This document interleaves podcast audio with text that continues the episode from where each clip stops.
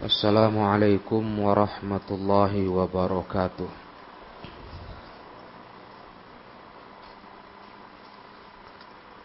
Innal hamdalillah nahmaduhu wa nasta'inuhu wa nastaghfiruh.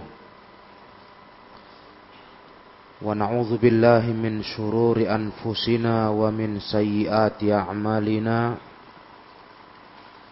May yahdihillahu fala mudhillalah ومن يضلل فلا هادي له أشهد أن لا إله إلا الله وحده لا شريك له وأشهد أن محمدا عبده ورسوله يا أيها الذين آمنوا اتقوا الله حق تقاته ولا تموتن إلا وأنتم مسلمون يا أيها الناس اتقوا ربكم الذي خلقكم من نفس واحدة وخلق منها زوجها وبث منهما رجالا كثيرا ونساء واتقوا الله الذي تساءلون به والأرحام إن الله كان عليكم رقيبا يا أيها الذين آمنوا اتقوا الله وقولوا قولا سديدا يصلح لكم أعمالكم ويغفر لكم ذنوبكم ومن يطع الله ورسوله فقد فاز فوزا عظيما فإن أصدق الحديث كتاب الله وخير الهدى هدى رسول الله صلى الله عليه وسلم وشر الأمور محدثاتها فإن كل محدثة بدعة وكل بدعة ضلالة وكل ضلالة في النار kaum muslimin rahimakumullah kita akan lanjutkan kembali kajian dari surah At-Taubah Yang masih berbicara seputar tingkah lakunya kaum munafikin.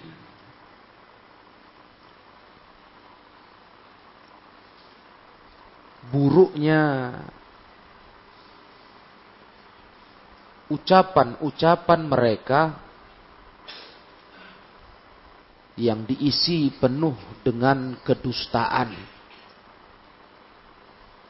celaan dan penghinaan terhadap Rasulullah dan para sahabat. Penuh trik dan tipu daya. Begitulah kaum munafikin. Karena memang mereka pada dasarnya orang yang tidak beriman kepada Allah. Ya itulah memang para ikhwah yang saya muliakan. Kalau hidup ini sudah nggak ada takutnya kepada Allah. Sudah tidak mengkhawatirkan azab Allah.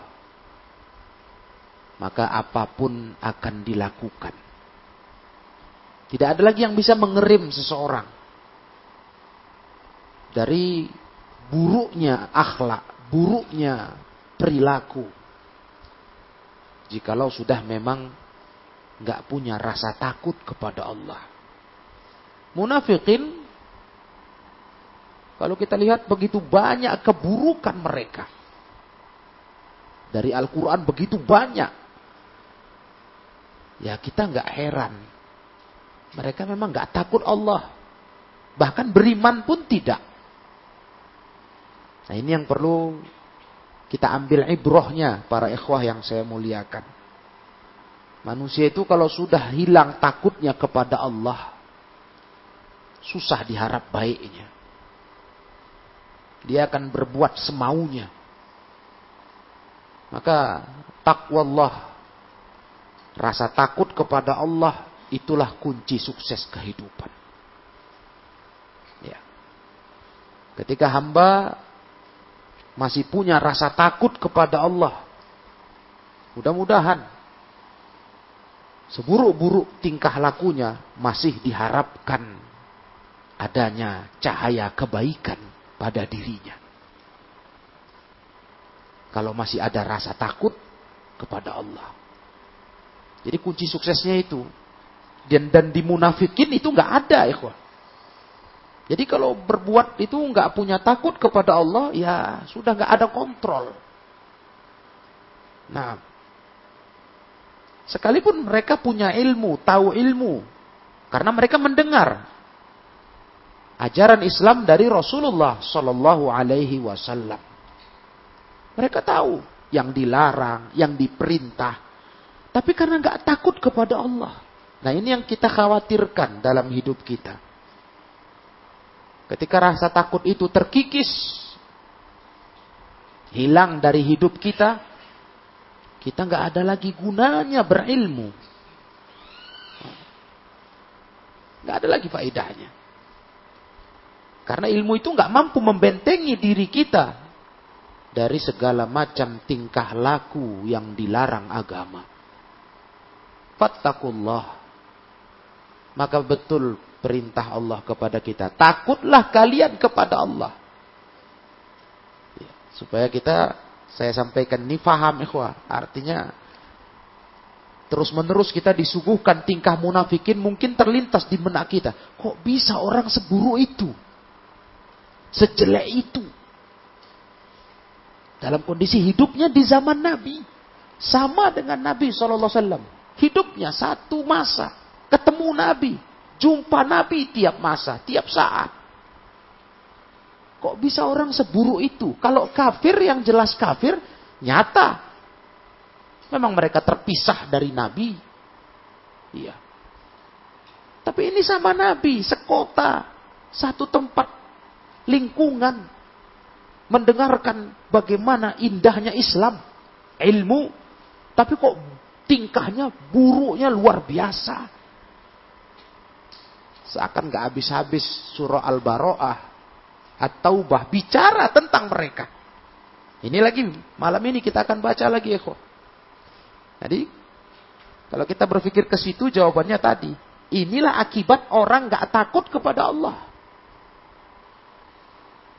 Itu yang perlu diasah para ikhwah di diri kita. Ingat ada Allah, ada pertanggungjawaban dalam hidup ini. Ingat itu kalau kita mulai tergoda, mulai terpancing mau buat dosa. Ingat Allah. Semua yang kita jalani aktivitas hidup ini, ini ada tuntutan tanggung jawabnya. Ngomong kita, perbuatan kita, itu harus ada pertanggungjawabannya. Ibarat orang belanja, dibayar itu. Merenunglah. Memang betul kita boleh buat apa suka-suka. Kita orang merdeka. Bahkan kita dewasa yang tidak lagi diatur siapa-siapa. Tapi kita orang yang beriman. Yakin ada Allah dan ada hari kebangkitan dan pembalasan. Itu ada pertanggungjawabannya. Nggak gratis. Gitu. Ini kunci suksesnya. Ibroh dari pelajaran tingkah munafik yang terus kita baca, kita harus sadar itu. Kalau enggak itu muncul di hati kita rasa takwa Allah, takut ke Allah, ya sudahlah. Payah kita ini untuk berubah. Susah untuk baik. Karena untuk modal buat kejahatan, buat keburukan itu ada di diri kita. Kita punya tenaga, punya biaya, punya kesempatan, waktu. Apa yang bisa mencegah kita dari dosa? mencegah kita dari durhaka kepada Allah kalau bukan rasa takut itu. Para jemaah rahimakumullah, para ikhwah yang mulia. Mari tingkatkan takwa Allah. Ingat selalu, ingat selalu Allah. Apa-apa kita buat ingat Allah. Biar nggak kayak munafik ini. Bebas betul mereka ini. Suka-sukanya kata kita. Hidupnya suka-sukanya. Karena mereka nggak beriman kepada Allah. Jadi nggak takut sama Allah. Itu masalahnya. Kalau kita yang beriman, berislam ini, mudah-mudahan takut sama Allah. Cuma perlu diasah terus. Itu yang bisa mengerim kita, insya Allah. Mudah-mudahan ya. Dengan rasa takwa Allah, takut ke Allah. kita bisa menjaga diri dari dosa. Nah, lihat lagi ikhwan fillah yang mulia tingkah mereka berikutnya. Allah berkata, "Wa minhum man ahadallaha la atana min fadlihi lanasaddaqanna wa lanakunanna minas solihin." Nah, mereka ngumbar janji. Dan mereka dikenal pendusta. Apa kata mereka? Dan di antara mereka ada orang yang telah berjanji kepada Allah. Sesungguhnya kata mereka, jika Allah memberikan sebagian dari karunia-Nya kepada kami, maka niscaya kami akan bersedekah dan akan menjadi termasuk orang-orang soleh. Andai kata kami diberi Allah kelapangan rizki, kecukupan, ah kami akan jadi orang soleh, kami akan mau sodakoh. Karena ikhwah sudah belajar kita di pelajaran yang lalu, kaum munafikin itu manusia-manusia bakhil. Ya sudah kita bahas. Bakhil mereka. Mereka sempat berjanji begitu. Kalau Allah kasih kami kelapangan rizki, kemudahan, kami akan sodakoh dan akan jadi orang salih. Maka Allah berkata, "Falamma atahum min fadlihi bakhilu bih wa wa hum mu'ridun." Ayat 76 Allah menegaskan, maka tatkala kata Allah taala Allah berikan ke mereka sebagian dari karunia-Nya diberi ternyata bakhilu bih. Mereka ternyata malah menjadi bakhil kikir. Watawallau dan malah berpaling. Wahum mu'ridun. Mereka selalu menentang kebenaran. Kalau bicaranya enteng saja kok iya kami akan begini kami akan begitu. Kami janji kalau diberi Allah kelapangan kami akan begini. Apa? Diberi Allahnya. Bakhilu bih tetap saja bakhil dan malah berpaling malah menentang kebenaran tengok tengok lihat ulah munafikun Ulah orang-orang gak takut Allah. Ini masalahnya. Mereka gak punya rasa takut ke Allah. Jadi ngomong, ngumbar, cakap tuh gampang. Janji begini, janji begitu. Allah beri, bukan gak diberi Allah Ta'ala. Allah kasih. Mereka tetap bakhil ma'asyirul ikhwah. Tetap berpaling, tetap menentang kebenaran. Akhirnya kata Allah di ayat 77, fa'aqabahum nifaqam fi qulubihim ila yaumi yalqaunahu bima akhlafullah ma wa'adu wa bima kanu yakzibun. Maka Allah taala menanamkan kepada mereka kemunafikan di hati mereka sampai waktu mereka menemui Allah taala. Itu hukumannya. Tertanam, terpancang kenifakan di hati mereka sampai ketemu Allah, sampai mati. Terus munafik terus mereka. Ini hukumannya. Ya. Allah kasih hidayah ke mereka, para ekor yang mulia. Karena mereka telah mengingkari janji yang telah Allah ikrar, yang telah mereka ikrarkan kepada Allah. Sudah janji, sudah ikrar, diingkarinya. Dan juga karena mereka selalu berdusta. Nah, dusta ikhwah. Itulah khasnya munafik. Itu yang kita takut. Memang betul. Sering orang lupa kadang ketika dia jauh dari agama. Ya. Atau memang dia susah berubah dari jalan keburukan. Orang kadang lupa introspeksi diri. Ini karena apa? Karena ulah sendiri. Lihat ini, munafik. Ulah sendiri ini para ikhwah. Akhirnya Allah Ta'ala membuat mereka tetap munafik sampai mati. Sampai ketemu Allah. Sebab ketika Allah beri yang mereka tadi omongkan. Mereka janjikan kami kalau dilapangkan rezeki oleh Allah. Kami akan sodakoh. Kami akan jadi orang soleh. Ternyata dusta. Akhirnya. Nggak Allah buat mereka berubah. Allah buat mereka tetap di kemunafikannya itu. Sampai mati. Gara-gara ulah sendiri. Para ikhwah, itu makanya. Hati-hati dalam agama ini. Jangan jadikan main-main. Allah itu nggak akan rubah kita Allah nggak akan gantikan hidayah kita. Kalau nggak ulah kita. Makanya jagalah Islam ini, jaga hidayah sunnah ini. Kalau kita main-main dalam agama ini, nggak istiqomah, nah nanti Allah buat kita seperti itu. Allah nggak tolong lagi kita untuk selamat dari kesesatan. Allah akan jadikan kita orang yang terus berada dalam kegoncangan. Dan ini yang menimpa munafikin. Sehingga kita jangan pernah berpikir, kenapa nggak Allah beri aja hidayah ke mereka? Toh selesai masalah ulah mereka terhadap Nabi dan sahabatnya. Nggak jadi beban lagi di dakwah. Nabi nggak lagi merasa terganggu. Kan selesai, tinggal Allah rubah hati mereka para ikhwah. Ini mereka tidak dirubah Allah karena ulah mereka.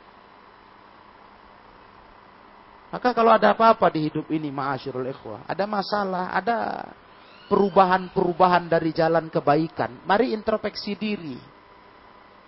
Iya, itu yang yang yang tepat sikapnya. Cari tahu di jawabannya di diri kita. Kenapa saya?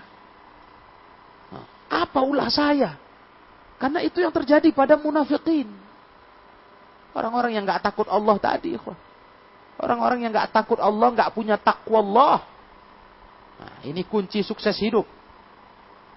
Kalau mau hidup para jemaah yang dimuliakan Allah, tabaraka wa ta'ala, hidup sebagai orang-orang yang istiqomah, yang dapat hidayah, tingkatkan rasa takut ke Allah. Ya, karena kita kelasnya sebagaimana Imam Ibnu Abil Izzi ketika mensyarah akidah Tahawiyah saya teringat. Ketika beliau membahas satu poin dari akidah wasitiyah mengingatkan kepada kita dalam syarah itu kita ini beragamanya sudah beda. Kita beragama ini ala orang dewasa. Artinya nggak ada tekanan-tekanan, nggak ada yang perlu kita takutkan, tapi kesadaran. Kesadaran. Karena kita dibuat Allah tabaraka wa ta'ala semakin dewasa. Cara beragama kita nggak seperti anak kecil yang penuh dengan tekanan, intimidasi. Nah, itu kan anak kecil. Ada yang ditakutkan, ada yang dikhawatirkan. Ada yang merasa menekan dia. Kalau kita yang dewasa tidak ikhwah. Tapi kesadaran. Dan kesadaran inilah para ikhwah yang mulia yang harus diiringi dengan rasa takut kepada Allah. Baru kita bisa istiqomah. Ya, karena kalau kita mandang orang, nggak ada itu. Yang kita pandang itu bisa berubah, bisa pergi, bisa jauh. Tapi kalau Allah, kapan pun selalu melihat kita, mengawasi kita, mendengar semua omongan kita. Nah, coba bayangkan. Sehingga kita menjadi orang yang tidak sembarangan dalam hidup ini. Karena kita tahu Allah ada yang terus mengawasi. Itu kunci suksesnya. Takwa Allah. Dan ini yang tak dimiliki orang munafikin. Akhirnya Allah Ta'ala menghukum mereka. Allah jadikan mereka orang-orang yang terus saja menjadi munafik sampai ketemu Allah. Alam ya'lamu anna Allah ya'lamu sirrahum wa najwahum wa annallaha 'allamul ghuyub. Di ayat 78 Allah katakan, tidak tidakkah mereka tahu, tidakkah mereka sadar Allah itu Maha tahu rahasia mereka dan bisik-bisik mereka. Tidakkah sadar munafik itu? Ketika mereka berbuat satu makar, rencana, bisik-bisik, rahasia, rapat-rapat tertutup untuk menyerang Islam. Tidak mereka sadar, Allah tahu itu semua. Dan Allah tabaraka wa ta'ala adalah zat yang maha tahu segala yang gaib. Alamul ghuyub. Itu rangkaian ayat yang kita akan kaji para ikhwan.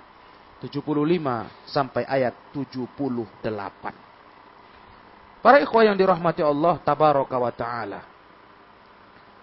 Dengan ayat-ayat ini dan terjemahan yang saya sampaikan tadi sudah ada gambaran kita bagaimana kondisi munafikin itu. Orang-orang yang memang gak punya rasa takut kepada Allah. Ya. Untuk lebih jelas mari kita lihat tafsir dari Syekh As-Sa'di dari ayat-ayat yang kita baca. Kata beliau, Ay wa min haula'il munafiqina man a'tallah ahdahu wa mitsaqahu. La in atana min fadlihi minad dunya fabasataha lana wa wasi'aha lanasaddaqanna wa lanakunanna minas solihin fanasilur rahim wa naqrud dhaif wa nu'inu ala nawaibil haq wa naf'alul af'alil hasanah as-salihah di antara mereka kaum munafikin itu ada yang Allah beri, ada yang mereka memberikan kepada Allah janjinya. Mereka yang berjanji kepada Allah taala. Kata mereka, kalau kami diberi Allah keutamaannya berupa dunia, maksudnya basotoha, Allah bentangkan dunia, lapang rezeki kami. Wasi'aha, Allah buat kami mudahlah cari dunia. Niscaya kami akan bersedekah nggak bakhil lagi. Karena khas mereka orang-orang bakhil. Kami akan bersedekah dan kami akan menjadi orang-orang soleh. Maksudnya orang soleh apa? Fanasilur rahim. Kami akan nyambung silaturahim. Akhlak-akhlak mulia nih. Nyambung silaturahim, memuliakan tamu, menolong para pembawa kebenaran. Ya. Dan kami akan berbuat perbuatan-perbuatan baik yang soleh, yang bagus. Oh, itu janjinya. Awas, ikhwan. Awas. Awas ini menimpa kehidupan orang beriman. Karena kita pun merasa begitu juga. Kadang-kadang sering kita minta sama Allah. Ya, ya Allah, kalau saya diberi ini, saya akan diberi itu di lapangan ini, di lapangan itu. Saya akan betul-betul beragama. Saya akan tolong agamamu ya Allah. Saya akan bantu agamamu, dakwahmu, Begitu Allah beri, kita diam saja, berpangku tangan, pura-pura tak ingat janji kepada Allah. Betul itu para ikhwah. Kaum munafikin berjanji, berjanji. Kami akan bagus, kami akan sodakoh, kami akan solih. Berubah kami pokoknya. Asalkan tadi. Dan memang otak mereka dunia saja. Yang kita sudah kaji kemarin kan. Otak mereka dunia saja. Pecinta budak dunia. Nah, yang dimaksud min fadlihi itu berupa urusan dunia. Nah, kalau lapang rezeki kami, mudah hidup kami, banyak uang kami, baiklah Allah kabulkan. Kata Allah Ta'ala, falamma atahum min fadlihi.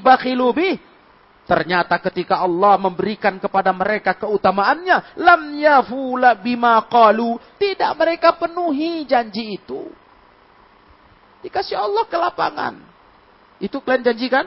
Betul? Nah, nggak dipenuhinya ma'asyiral ikhwah bal bakhilu bih wa tawallau anit ta'ati wal inqiyad bahkan tetap saja bakhil dan malah berpaling dari ketaatan, dari ketundukan kepada agama. Kok bisa? Nah, ikhwah tadi tahu jawabannya. Karena mereka nggak takut Allah. Ini masalahnya, ikhwah. Bukan mereka nggak ingat janji, Janjinya ingatlah.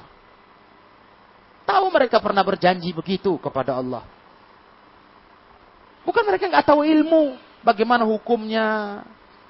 Berbuat bakhil. Tahu kan tadi saya katakan kepada ikhwah sekalian. Mereka hidup sama Nabi. Dibimbing Nabi. Satu kota sama Nabi. Munafikin kan di Madinah. Bukan nggak punya ilmu, bukan nggak sadar, ingkar janji hukumnya apa, bakhil hukumnya apa, tidak jadi orang soleh itu akibatnya apa, tahu. Cuma itu nggak punya takut, rasa takut kepada Allah. Inilah problema terbesar manusia. Kalau sudah ini di hati itu menipis, apalagi hilang, selesai sudah itu. Habis hidup ini. Nggak karu-karuan tingkah kita. Ketika rasa takut kepada Allah itu melemah. Ini yang terjadi pada munafikin. Kaum muslimin rahimakumullah. Itulah mereka wahum mu'ridun ay ghairu multafitina ilal khair. Malah ketika diberi Allah kelapangan dunia berpaling yakni tidak mau menoleh kepada kebaikan. Nah, pura-pura nggak ingat, pura-pura nggak tahu. Ah, sudah. Astagfirullahalazim. Berani betul, kok.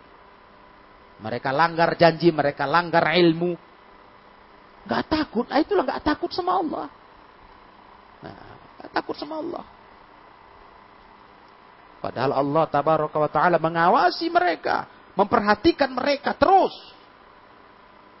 Mereka enak-enak saja mengelanggar janji itu. Sedangkan yang masang janji mereka. Allah ahdahu kata Syekh As-Sa'di. Mereka berikan ke Allah janjinya. Mereka yang pasang janji. Ya Allah, kami berjanji kalau kau lapangkan rezeki kami. Mereka yang berjanji. Mereka pula yang mengingkari. Ini kalau nggak takut sama Allah. Jadi itu jawabannya ya Segala ulah manusia, tingkah manusia di zaman kita ini khususnya ataupun di zaman yang lalu dan nanti yang seterusnya. Itu tadi. Karena kurangnya takwa Allah.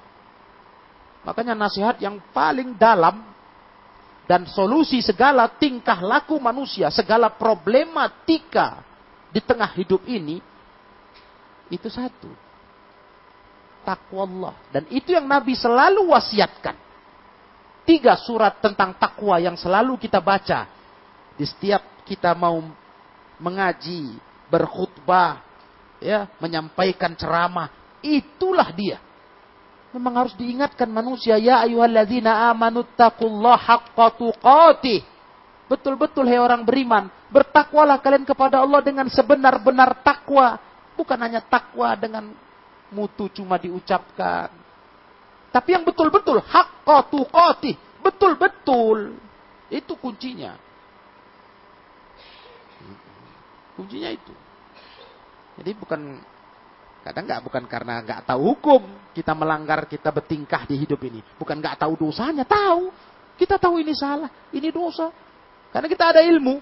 Tapi kalau kita langgar, nah itu tadi. Rasa takut kita ke Allah tipis. Nah ini mau kita naikkan ya Iman kita itu. Untuk naiknya takut ke Allah itu dari iman kita. Dan inilah ikhwah harus sadar kita. Inilah salah satu yang ulama katakan faidahnya majelis ilmu. Di sinilah kita dapat makanan iman untuk naiknya takwa Allah. Kita butuh diingatkan, butuh diingatkan. Itulah itulah faidah besar majelis ilmu. Segar lagi iman kita, segar lagi takwa kita.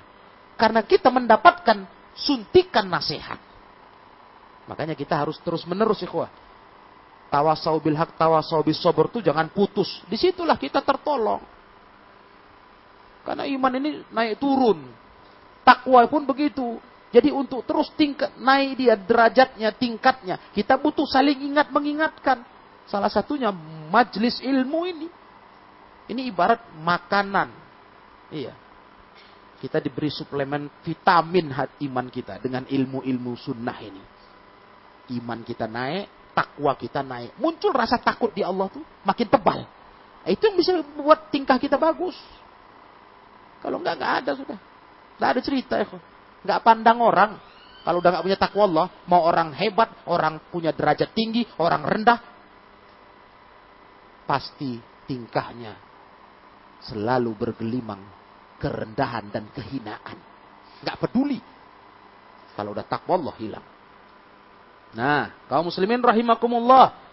Akhirnya apa? Yang tadi kita baca di ayat 77. Allah Ta'ala membuat tertanamnya kenifakan di hati mereka.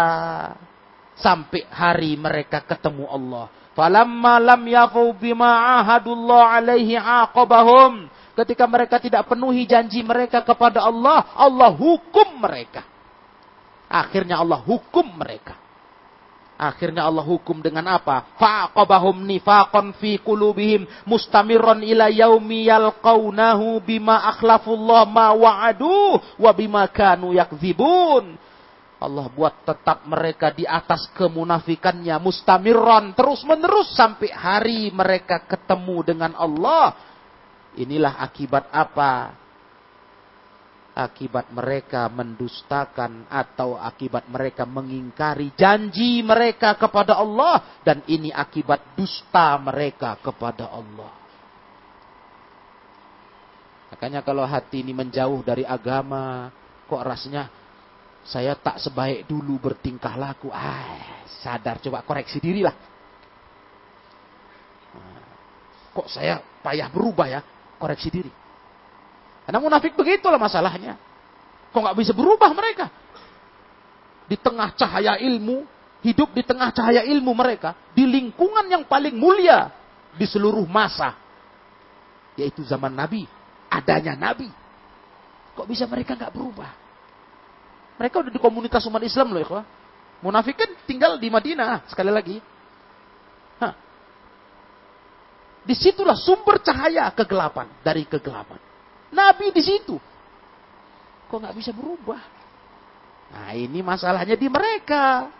Makanya Allah Ta'ala tanamkan kenifakan itu sampai mereka ketemu Allah. Oleh karena itu kata Syekh As-Sa'di. Lihat ikhwah. Fal yahzaril mu'min min hadzal wasfis syani' Hati-hati orang beriman, hati-hati kata Syekh As-Sa'di dari sifat buruk ini. Hati-hati he orang beriman. Ke kita lah sekarang harus ambil pelajaran, kata Syekh Sa'di.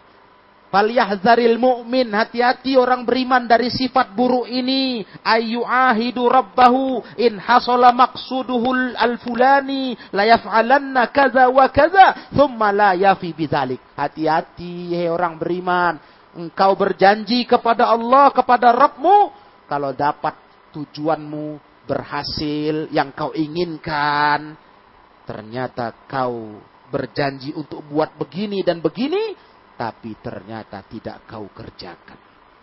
Awas. Ah, mengerikan ya. Nauzubillah.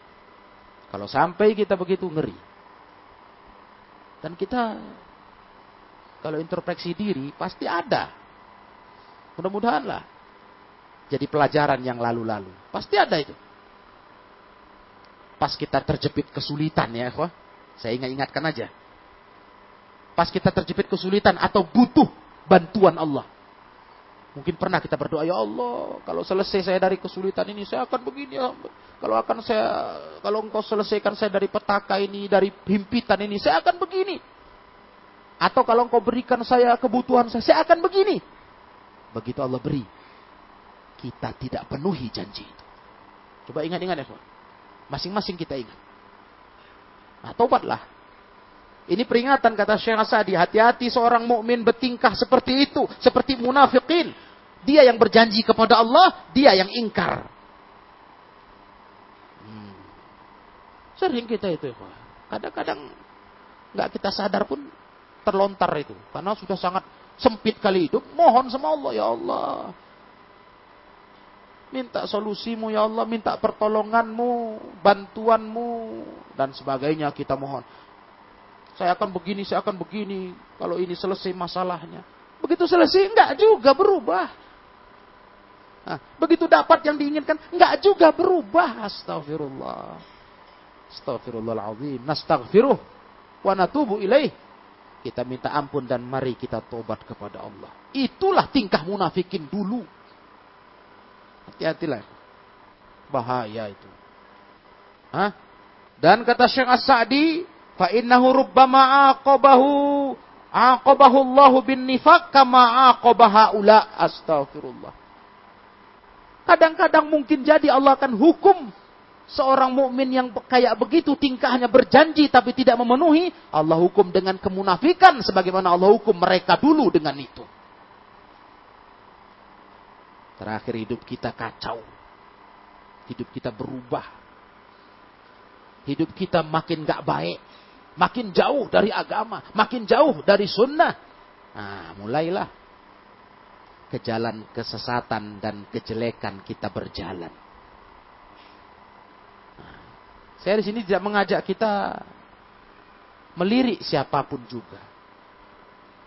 Tapi yang paling utama kita lirik diri kita, kita pandang. Kita lihat.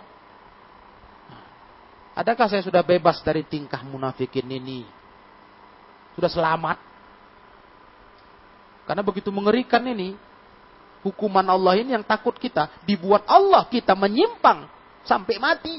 Nggak bisa balik lagi ke jalan kebenaran. Kan menakutkan itu. Bukankah kita sering kali selalu berdoa kepada Allah untuk jangan mati dengan su'ul khatimah. Lah bagaimana mau terkabul itu? Kalau sempat sampai mati kita tidak kembali ke jalan kebenaran. Bagaimana mau nggak su'ul khatimah? Bagaimana mungkin dapat husnul khatimah? Nah, ikhwah yang saya muliakan. Jadi ke arahnya nasihat tingkah munafik ini kepada orang beriman, kata Syekh Asadi. Orang beriman hati-hati dari tingkah itu.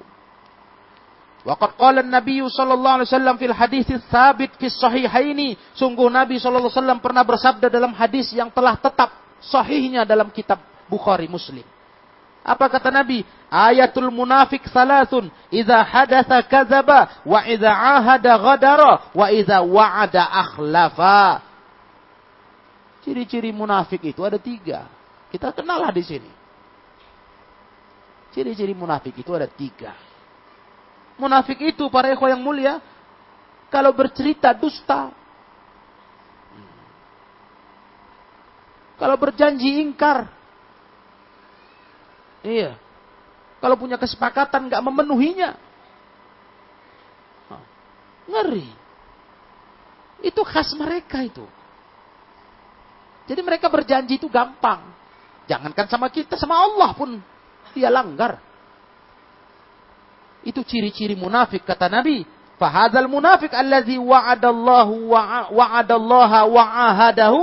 La in a'tahu Allah min fadli la yasaddaqanna wa la yakunanna minas solihin hadatsa fakazzaba fakadzaba wa'ahada. Faghadara. Wa wa'ad. Wa wa'ada fa akhlafa maka ini munafik yang berjanji kepada Allah. Dia pasang janji dengan Allah. Kalau Allah beri dia dari Allah beri keutamaannya berupa kelapangan rizki. Dia akan sedekah, akan jadi orang soleh. Janjinya begitu, akan berubah. Kami berubah ya Allah. Kalau kau beri kami kelapangan rizki. Kami akan sungguh-sungguh di dalam agama ini. Nah itu janjinya. Tapi lihatlah kata Syekh Hasadi. Mereka ngomong tapi dusta. Mereka janji tapi khianat. Mereka janji nggak memenuhi. Dia batalkan janji. Dia ingkari, pura-pura tak ingat. Inilah buruknya munafikin kaum muslimin yang dimuliakan Allah tabaraka wa taala. Jelek betul. Seorang mukmin jangan merasa aman, ikhwah. Jangan merasa ah kami nggak mungkin begitu. Karena Syekh Sa'di sendiri berkata, "Fal yahzaril mu'min." Hati-hati orang beriman. Ya. Mungkin kalau kita merasa aman, jauhlah kemungkinan jatuh kepada kemunafikan, ya mudah-mudahan lah.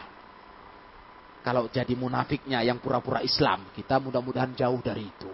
Tapi kalau bertingkah kayak mereka, ah kita nggak jauh ya kok.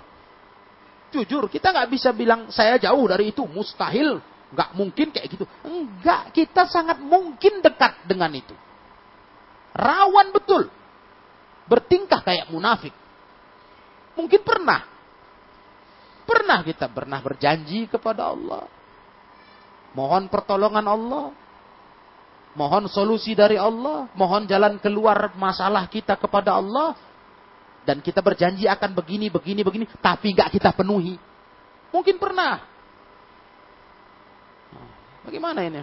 Ini yang harus kita rubah. Kita harus tobat. Istighfar. Belum terlambat. Faedah ilmu ayat-ayat ini membuat kita sadar lebih cepat. Kan lebih cepat ini. Mungkin kalau kita nggak dapat ayat ini, mentah kapan kita sadarnya. Ini lebih cepat, insya Allah. Lebih cepat sadar. Iya, saya harus berubah. Saya harus tobat. Nah, buruk kali itu tingkah munafikun dulu. Janji-janji sama Allah, habis itu diingkari. Padahal yang Allah, yang mereka minta kalau udah Allah penuhi. Udah Allah penuhi. Problema misalnya yang kita punya sudah selesai. Masalah kita sudah selesai. Kebutuhan kita sudah terpenuhi. Janji kita mana? Nah, janji kita mana? Sama kayak munafikun, janji kalian mana? Kalau lapang rezeki kalian bilang mau sedekah, kalian bilang mau jadi orang soleh. Mana? Subhanallah. Ayuhal ikhwah rahimakumullah. Akhirnya Allah berkata, "Alam ya'lamu anna Allah ya'lamu sirrahum wa najwahum wa anna Allah 'allamul ghuyub." Ayat 78 Allah berfirman, apa mereka tidak tahu bahwasanya Allah tabaraka wa taala Maha tahu rahasia mereka dan bisik-bisik mereka. Gak bisa mereka sembunyi dari Allah. Serapat apa pun menyimpan rahasia, Sehebat apa pun menyembunyikan bisik-bisik mereka. Allah tahu itu. Allah itu alamul ghuyub. Zat yang maha tahu semua urusan gaib. Nah, apa kata Syekh menafsirkan ayat ini? Walihada tawa'ada man sodara minhum hadha soni' biqaulih. Maka Allah Ta'ala mengancam orang-orang yang muncul dari mereka tingkah laku seperti munafik ini. Allah berkata, Alam ya'lamu anna Allah ya'lamu sirrahum wa najwahum wa anna Allah 'allamul ghuyub? Sayujazihim 'ala ma 'amilu minal a'mal allati ya'lamuha Allah taala. Allah akan balas. Allah akan balas apa pun yang mereka amalkan berupa tingkah laku mereka yang Allah tabaraka wa taala tahu itu semua Serapi-rapi mereka menyembunyikan ulah mereka, makar mereka kepada Islam, kepada Rasul di masa itu. Allah tahu itu. Mereka ingkari janji mereka tadi. Allah tahu. Dan Allah akan balas. Nah, ini tadi ikhwan. Rasa takwa Allah itu ke situ pikiran kita. Ke situ pikiran kita. Ya. Saya ingatkan saja ini. Karena saya yakin kita para ikhwah yang saya muliakan. Sudah sudah pahamnya ini bahwasanya tingkah laku di hidup ini ada balasannya. Paham kita, cuma kita perlu terus diingatkan, saling mengingatkan. Kalau pahamnya bukan ilmu baru ini. Kita orang yang paham lah, alhamdulillah. Karena kita yakin hari kebangkitan, kita hari kita yakin hari pembalasan. Tapi kita nggak pernah merasa bosan diingatkan dengan itu bahwa semua tingkah laku kita di hidup ini sayujazi sayujazillahu a'maluna a'malana. Allah akan balas amal kita. Allah akan balas. Ada perhitungan, ada harinya setelah kita bangkit dari kematian kita saat kiamat tiba. Ada perhitungan, ada pembalasan. Adil loh. Gak ada sedikit pun kecurangan. Gak ada sedikit pun kezoliman pencatat amal adil, timbangannya timbangan adil, saksi-saksinya adil. Kalau mikir ke situ selalu, mudah-mudahan lah, banyak perubahan nanti tingkah kita. Insya Allah. Kalau udah terus ke situ otak kita, ada pembalasan. Ada Allah yang akan membalas amal tingkah kita. Kesalahan-kesalahan kita dosa-dosa kita. Nah, sadar itu. Ini nggak gratis, nggak cuma-cuma nguap-nguap gitu saja. Enggak, ini tercatat rapi. Raqibun atid. Menulis terus. Melapor terus ke Allah. Hmm, nggak pernah putus ikhwan. Coba itu ditanamkan terus di hidup ini. Disadarkan terus hati ini. Nah, mudah-mudahan terasa perubahannya itu. Enak badannya dibawa ke agama, ke amal soleh ringan, ke arah dosa berat. Iya. Kalau ke situ terus otak ini dibawa, mudah-mudahan enak, enteng. Beramal soleh itu ringan, gembira, senang, semangat. Karena tahu itu dibalas Allah dengan surga. Kalau untuk dosa, berat, takut. Sabar untuk menahan diri. Karena kita tahu balasannya pun ada kalau kita langgar. Nah, kalau gitu hidup, mudah-mudahan. Mudah-mudahan kita menjadi orang-orang yang Allah istimewakan dengan iman dan amal saleh. Nah, kemudian ma'asyiral ikhwah yang mulia. Allah akan balas itu semua. Karena Allah maha tahu semua amal hamba. Wa hadhil ayatu nuzilat fi rajulin minal munafiqin yuqalu lahu Tha'labah Jaa ila Nabi sallallahu alaihi wasallam wa sa'alahu ayyad'u Allah lahu ayyu'tiyahu Allah min fadli wa annahu in a'tahu la yatasaddaqanna wa yasilur rahim wa yu'inu 'ala an-nawaib fada'alahu Nabi sallallahu alaihi wasallam fakana lahu ghanam falam tazal tatanama hatta kharaja biha anil Madinah fakana la yahdur illa ba'd salawatil khamsi thumma ab'ada.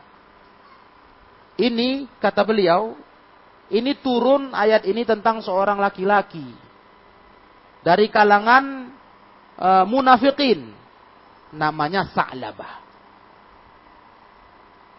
Dari kalangan munafikin. Ini orang para ikhwan yang mulia datang kepada Nabi sallallahu alaihi wasallam minta kepada Nabi untuk Nabi berdoa kepada Allah agar Allah beri dia kelapangan rizki. Dia susah. Nah, dia susah. Minta kepada Allah, kepada Nabi, doakan aku ya Rasul agar diberi kelapangan rizki. Kemudian kalau katanya kalau Allah berikan kelapangan rizki untuknya, layatasoddaqonna wa yasilur rahim. Dia berjanji, saya akan bersedekah ya Rasul kalau Allah beri itu. Dan saya akan lanjutkan silaturrahim wa yu'inu ala nawaib. Dia akan tolong orang-orang yang membawa agama ini. Itu janjinya. Tolong doakan ya Rasul.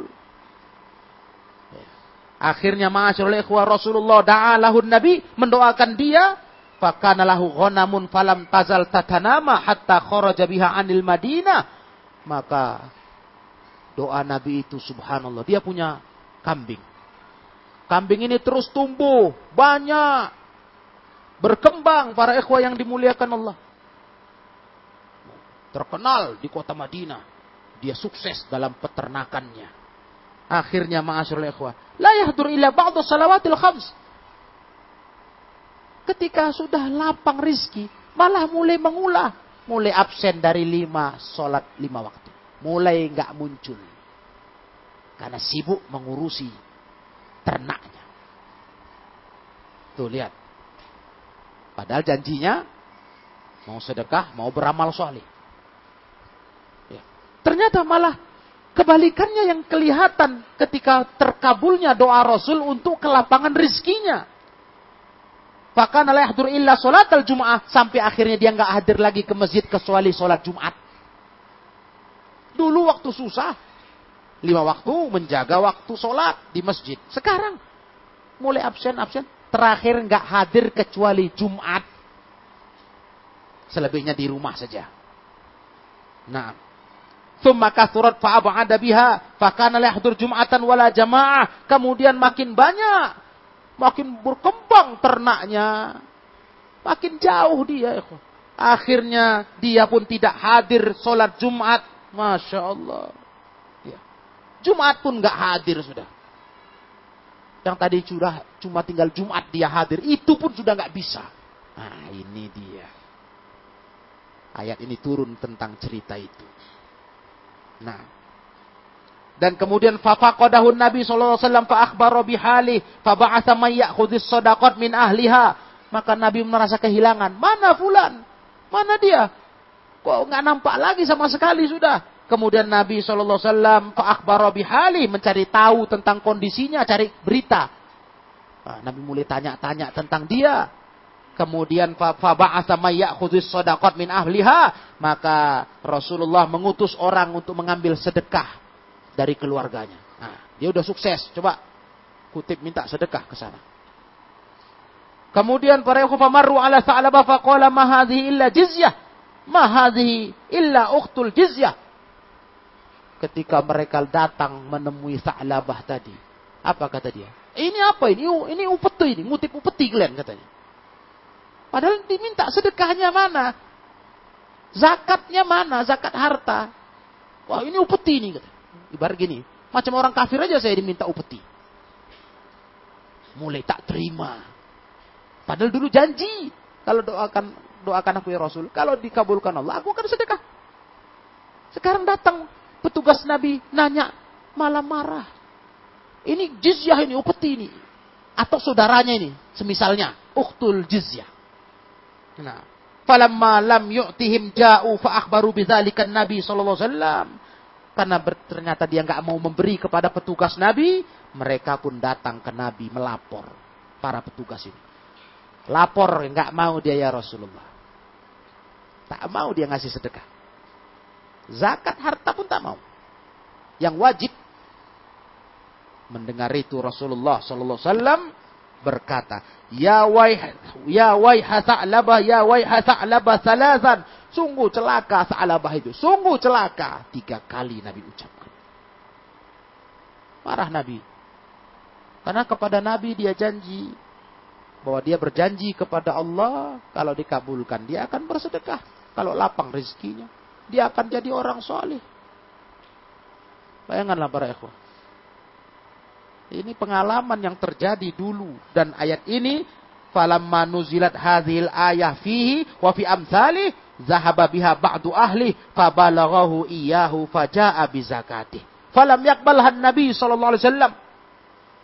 Ketika turun ayat ini, akhirnya datanglah zahaba biha ba'du ahlihi fabalaghahu iyyah. Sebagian keluarganya datang kepada Nabi mengantarkan zakatnya mulai tergugah mereka, takut dengan ayat ini. Akhirnya mereka datang keluarga dia ke Nabi, mau ngasih zakat. Nabi nggak mau terima. Falam yakbalhan Nabi Sallallahu Alaihi Wasallam nggak mau Nabi terima. Nah, Nabi marah. Setelah datang ayat ini, malah takut mereka, keluarga dia. Akhirnya datang bayar zakat. Nabi nggak terima. Thumma ja'a biha li Abi Bakrin ba'da wafatin Nabi sallallahu alaihi wasallam falam yakbalha Thumma ja'a biha ba'da Abi Bakr li Umar falam yakbalha fayuqalu innahu halaka fi zamani Utsman. Astagfirullah. Sejak ketika Nabi hidup, selama itu Nabi nggak pernah terima zakat dia. Datang keluarganya yang bayar zakat. Nabi nggak mau terima. Sampai Nabi wafat. Bergantilah Khalifah Abu Bakar memimpin. Begitu juga mereka datang lagi kepada Abu Bakar, mau ngasih zakat. Juga Abu Bakar nggak terima. Nggak mau Abu Bakar. Masya Allah. Kemudian di zaman Umar bin Al-Khattab meninggal Abu Bakar. Dua tahun. Jadi khalifah. Naik Umar. Mereka datang ke Umar. Untuk bayar zakat lagi. Umar pun nggak terima. Nggak berani Umar. Karena Umar tahu Rasul nggak terima. Abu Bakar pun nggak terima.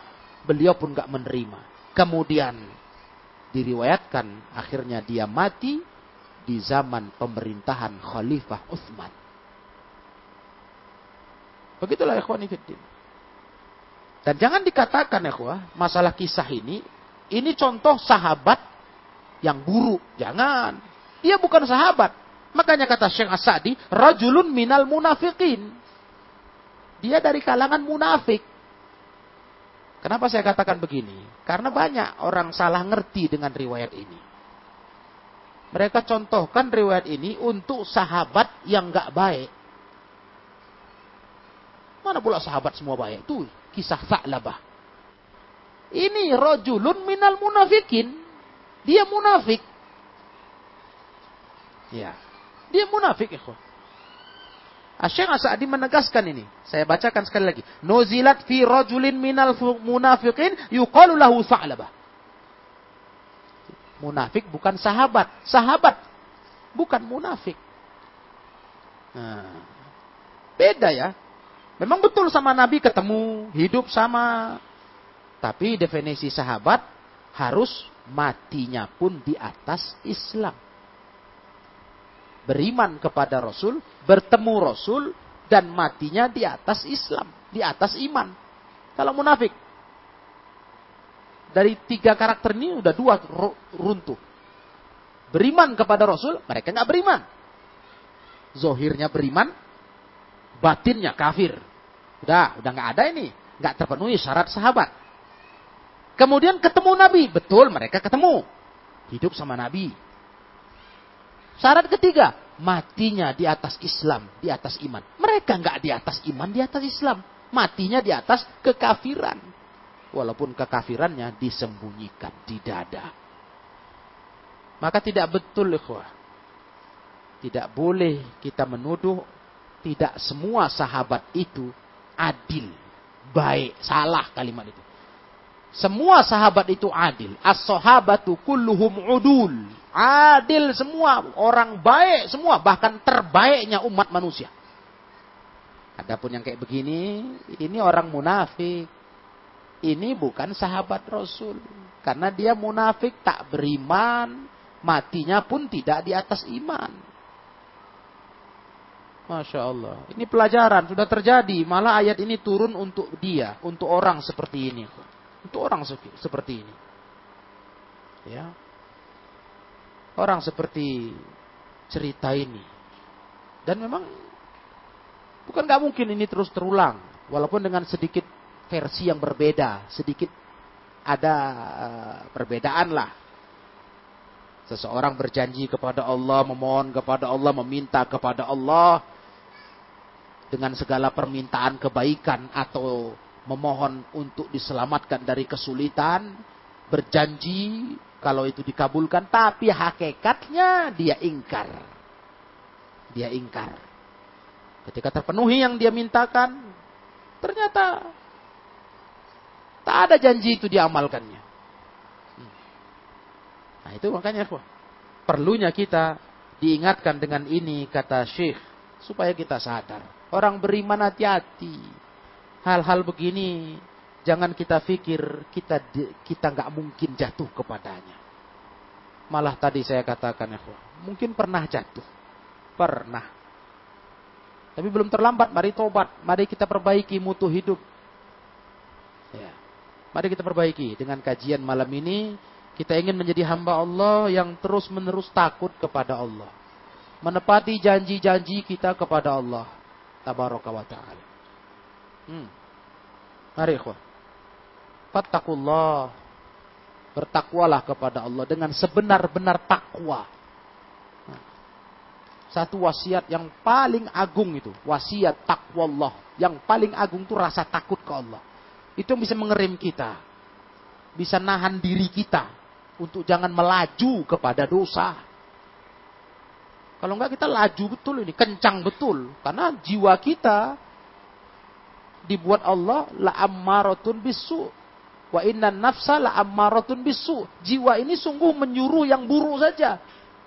Ke yang dosa tuh jiwa ini paling getol, paling senang, paling mau. Jadi nggak heran banyak orang yang pendosa daripada yang bertakwa. Kan gitu. Kan itu dalam Islam. Perbandingannya jauh. Kalau untuk orang bertakwa, orang bersyukur, sedikit kata Allah. Faqalilun min ibadiyas syakur. Sedikit. Tapi orang pendosa, wah, sudah. Banyak betul. Makanya kita takut jadi orang kebanyakan. Yang banyak dosa, nggak takut sama Allah. Nah, demikianlah kaum muslimin yang dimuliakan Allah. Nah, Kajian kita dari ayat 75 sampai 78 untuk malam hari ini. Yang semoga menjadi ilmu yang intinya membuat kita lebih takut kepada Allah, lebih sadar setelah mendengarkan kisah munafikin, kita tidak ingin seperti mereka. Kita mohon sama Allah, diberi Allah kita keteguhan, keistiqomahan, dalam mengamalkan agama Islam yang mulia. Demikianlah saya cukupkan wallahu a'lam bissawab wa akhiru da'wana anil anil hamdulillahi rabbil alamin.